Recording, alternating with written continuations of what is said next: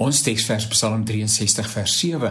As ek aan U dink op my bed oor U pyns in die nag, dan weet ek U is vir my 'n hulp en dan juig ek oor die beskerming onder U vleuels. As ek op my aan U dink op my bed en oor die pyns in die nag, dan weet ek U is vir my 'n hulp. Om wakker te lê as jy 'n behoefte het aan slaap is nie 'n lekker ervaring nie. Ek glo ons almal het al iets daarvan beleef. Sommige mense is geseënd as hulle hulle kop die kussing neerlê, as hulle kop die kussing tref, nê, is 'n droomland toe.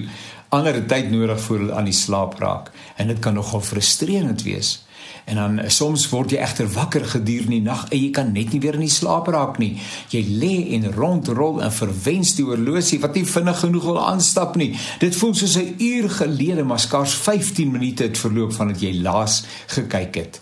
Die digter wil ons aanmoedig om sulke tye as geskenke en geleenthede te beskou.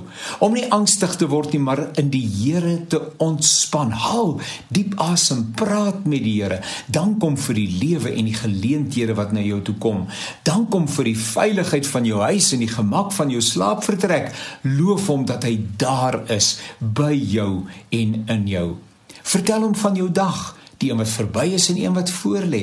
Praat uitdagings met die Here deur. Vra raad en toets jou verstaan aan sy woord. Doen voorbereiding. Daar is mense aan diens in die nagtelike ure waar wanneer jy nie kan slaap nie. Nood en ander personeel tree vir hulle in. Daar's ander mense wat ook wakker lê. Hulle konteks verskil miskien dramaties van joune.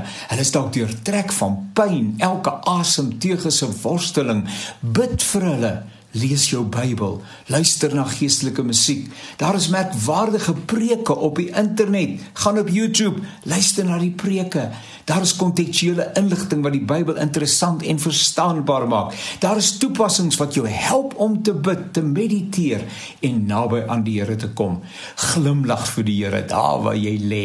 Vertel hom dat hy kosbaar is, dat jy geseënd is om in 'n wêreld van ongeloof iemand te hê met wie jy kan praat wat nooit weg is nie. Nie in die dag nie nie in die nag nie. Want die beskermer van Israel sluimer of slaap nie. Hy is altyd wakker ook wanneer jy wakker lê.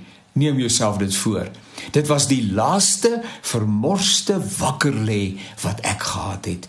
Ek gaan dit as 'n gawe benut en myself in die Here verlustig Moenie verbaas wees as jy in die oggend vrolik en vars en opgewonde die dag wat voorlê tegemoet gaan nie.